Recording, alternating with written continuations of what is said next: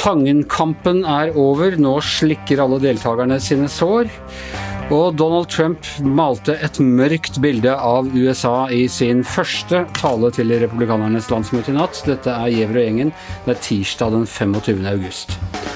Ja, uh, Hanne Skartveit. En rask og overraskende avslutning på Tangen-saken uh, i går kveld? Ja, han gjorde det veldig mange, i hvert fall inkludert meg, trodde han ikke ville gjøre. Nemlig å overlate hele fondet sitt til, ut av sine hender og over til da stiftelsen sin.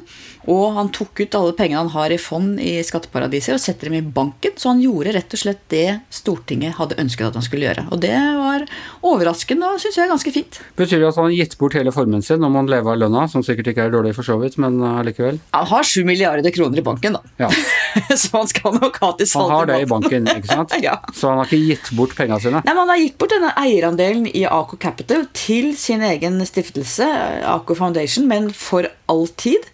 Eh, og så vidt jeg har forstått disse stiftelsestingene, som er kompliserte saker, så er det ikke noen mulighet for å reversere den beslutningen. Så han har altså gitt fra seg denne eierandelen i fondet sitt, som han selv har bygget opp, til evig tid. og har da tatt ut penger av disse skatteparadisfondene og satt de pengene i banken. Så han har levert på bestillingen fra Stortinget. Og, og en stiftelse eier seg sjæl, som det ligger i stiftelsens uh, natur? Ja, det ligger veldig sånn strenge føringer fra det er lovgivning rundt det, ikke sant, med hvordan man skal bruke midlene og formåls... Uh, bestemmelser i disse stiftelsene. sånn at Så langt jeg forstår, så skal dette være vanntett. Da vil jeg si at nå kommer han ut som den hviteste mannen i, eh, i hele denne saken. Han, har virkelig, han ble ansatt på Eh, helt klare vilkår. De vilkårene ble forandra etter det jeg har kalt et politisk røvertokt, som du er uenig i det?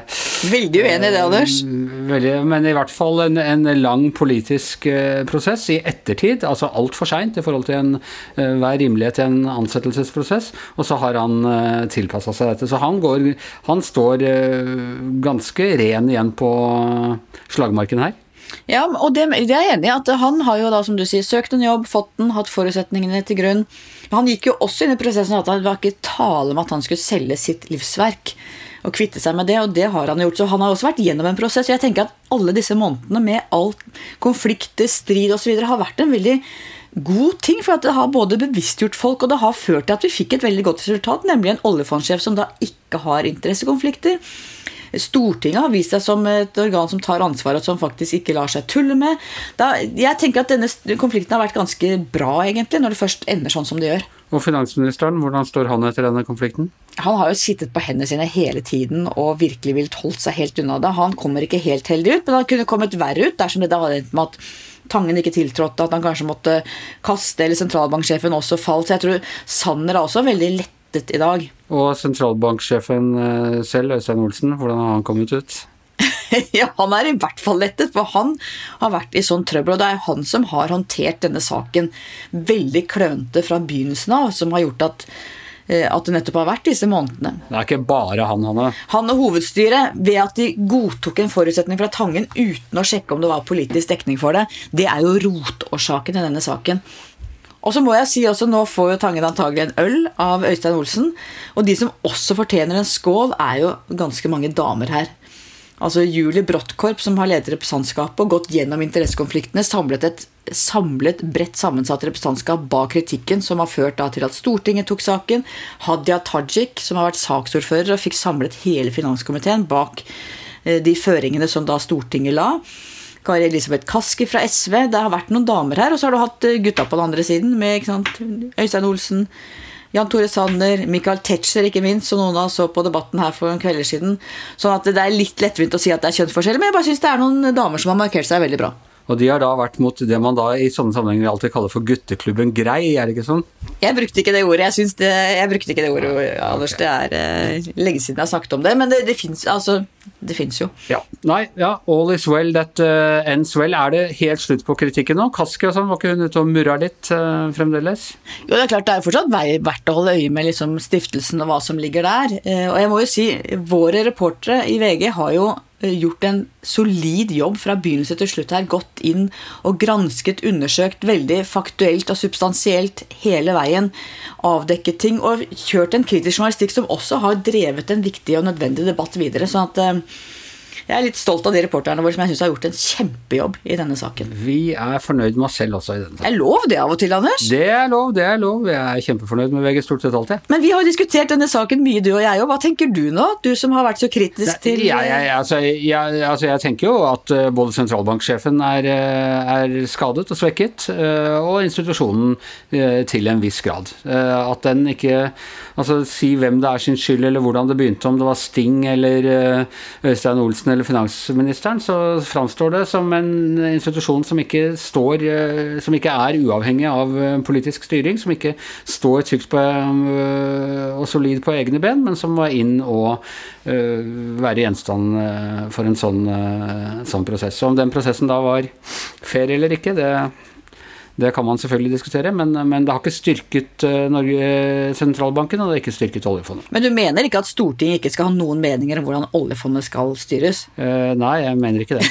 Vi kan godt ha en lang diskusjon der, men jeg syns også at denne prosessen ikke har vært heldig for um, verken oljefondet eller sentralbanksjefen. Det er viktig, det er viktig at, eh, at, man har tillit til dem som uavhengige institusjoner. Det er viktig at markedene utenfor Norge har den tilliten, og de har helt sikkert merket seg det som har skjedd. Jeg er også enig i at det er viktig at sentralbanken er uavhengig, og at den har tillit. Godt, da er vi enige om noe. eh, la oss gå til noe annet vi er relativt enige om, vi tre. Eh, Republikanernes landsmøte, Per Olav, du, du følger dette. Trump skal holde tale hver dag. Medarbeiderne hans og hele kampanjen hans lovet en uplifting, altså en, en sånn positiv tone. Uh, og, og, litt sånn i Ronald Reagans uh, tradisjon om å se USA som uh, den skinnende byen på fjelltoppen. Det var ikke akkurat det de fikk i natt. Nei, men jeg tror noen av deres tilhengere vil si at de fikk det også. Altså Her er det jo en blanding av å framheve alt de mener Donald Trump har oppnådd i disse årene, og tegne et skremmebilde av hva demokratene representerer. Så de, du, du, fikk begge deler. Hvem leverte hva? Jeg synes, uh, for å ta det som var litt sånn oppløftende, da, hvis man skal se det sånn fra Så det var Nikki Haley, som da er jo tidligere guvernør uh, uh, og FN-ambassadør. For USA. Hun har en, har, en, har en, sterk personlig historie. Hun har nådd veldig langt. Hun er en sannsynlig presidentkandidat i 2024, tror jeg. Og hun hadde hun, hennes foreldre er jo begge indiske, og hun snakket om hvordan det var å vokse opp i USA som a brown girl in a black and white Uh, in black and white, som hun kalte det. Og, uh, men hun hadde også uh, harde ord om hva Biden representerer. Hun er jo en utenrikspolitisk hauk og var opptatt av det. Og så vil jeg jo si at Donald Trumps sønn, altså Donald Trump, en av, en av hans sønner, Donald Trump jr., leverte vel kanskje han og hans partner, som er tidligere Fox programleder, eh, som nå er leder for innsamlingen til deres kampanje, Guilfoyle, de leverte nok det mest negative og mest dystre bildet av hva Biden representerer. altså Donald Trump jr. kalte jo Biden for The Loch Ness Monster, som liksom stikker hodet sitt opp av sumpen av og til. Men, men det, var, det, var, litt humoristisk. Det gikk jo på at han, han er ikke så mye å se i offentligheten, Joe Biden. Donald Trump jr. har en måte å, å, å legge fram ting på som han virker konstant sint. Han virket ikke som han hadde, det var ikke et smil om munnen når han sa dette. Og eh, han, han, jo, han fortsatte jo med at eh, nå sto USA foran et valg mellom kirke, arbeid og skole på den ene side, som da Trump skal representere, og opprør, plyndring og vandalisme på den andre side, som Biden står for. Det er jo ganske dystre utsikter, da. Men sånn har det vært i amerikansk valgkamp tidligere også. altså eh, husker denne her berømte til Lyndon B. Johnson, demokratenes store helt, som uh, kjørte sånne uh, TV-reklamer om hvordan atombomben omtrent ville sprenge i det øyeblikket Barry Goldwater, hans motkandidat, fikk presidentmakten. Så det er ikke helt ukjent at man kjører med veldig sterke ord i amerikansk valgkamp? Nei da, på ingen måte. Og det, det, nesten i alle valg så blir jo sagt at dette er det viktigste valget i vår generasjon og sånn. Men nå hører du fra begge sider at dette er det viktigste valget i amerikansk historie historie, blir det fremstilt som. Altså, Demokratene sier at nå er demokratiet i fare, mens republikanerne sier at nå blir det sosialisme og kulturrevolusjon hvis uh, demokratene vinner. De skal altså uh, fortsette noen dager til, og dette med at Trump snakker hver dag, det, eller hver natt, det, det kommer til å fortsette. Ja, han uh, som kandidat, og så, så, bryter han jo alle regler, akkurat som han gjør som president. Og dette med at man liksom blir nominert, og så skal man da holde en tale på siste dag av landsmøtet, det, han ser jo ikke noe grunn til å dette er et one man show, det, og det er det fra dag én. Så han skal jo vise seg hver dag, og alle hans voksne barn skal jo tale. Og til nå i, nå i kveld, eller i natt norsk tid, så er det Melania altså førstedamen Melania Trump som skal, som skal er liksom en hovedtale. da. Og Det er ikke så ofte hun er ute og uttaler seg, så det er eh, knyttet litt forventning til det. Ikke minst var det jo Eh, i 2016 hvor hun holdt en tale hvor det viste seg at deler av den var kopiert fra Michelle Obama.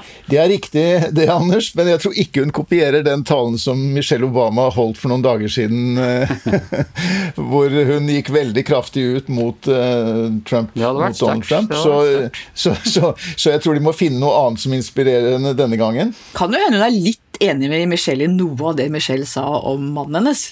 Vi veit jo ikke, det virker ikke som det er et veldig hjertevarmt og kjærlig forhold de to imellom. På den annen side har jeg inntrykk av altså Dette er sånn hvor jeg har lest sånn eh, spekulasjoner om inside. At hun eh, altså Ja, det kan sikkert være litt trøbbel i ekteskapet der, men hun er ganske politisk pro eh, sin mann. Eh, og blant annet skal ha vært av de som inspirerte ham ganske tidlig i innvandringsspørsmål. Uh, uh, så jeg tror, jeg tror, ikke hun står så politisk så veldig fjernt fra ham. Ja, da tenkte jeg mer på det følelsesmessige, altså. Ja. Ja, det var slemt sagt. Vanskelig å si basert på sånne ja, bilder. Jeg, jeg, bare observerte en litt forskjell i natt, sånn jeg satt og så på det eh, som republikanerne presenterer og demokratene gjorde. og eh, republikanerne, Der er det jo et slags publikum i salen, i hvert fall noen. Du hører at de jubler og ja, men, roper 'that's right' og sånn. Men det er litt sånn som på eliteseriekamper i fotball nå, hvor de tillater 200 stykker inn, som lager litt grann eh, støy, men ikke, ikke, det er ikke den type massemøter som Trump elsker og som han håpet å få til denne gangen. Men han får en viss respons. Ja, det, det minner litt mer om sånn diktlesning på Klubbsju på 70-tallet. Spredt applaus og noen eh, heiarop eh, her og der. Hør, hør, og så videre. Ja. ikke sant. Ok, vi fortsetter å, å følge dette. Men Tangen-saken er vi kanskje legger vi bak oss eh, etter å ha snakket om den daglig i noen uker nå, Hanne? Ja, det er i hvert fall ikke et daglig innslag. Det er klart at den som sitter i oljefondstolen, uansett hvem det er, vil ha et offentlig søkelys på seg ganske kontinuerlig. Men jeg tror at vi kan si at nå er i hvert fall tempoet veldig ned. og mange mener at den har fått en god avslutning nå. Nemlig. Denne delen av Tangen-saken. Ok, eh, med det er Giæver og gjengen over for denne gangen. I hvert sitt hjemmestudio Hanne Skartvedt, Per Olav Ødegaard. Jeg heter Anders Giæver, og vår landsmøtedirigent på dette podmøtet heter som vanlig Magne Antonsen. Vi høres igjen i morgen.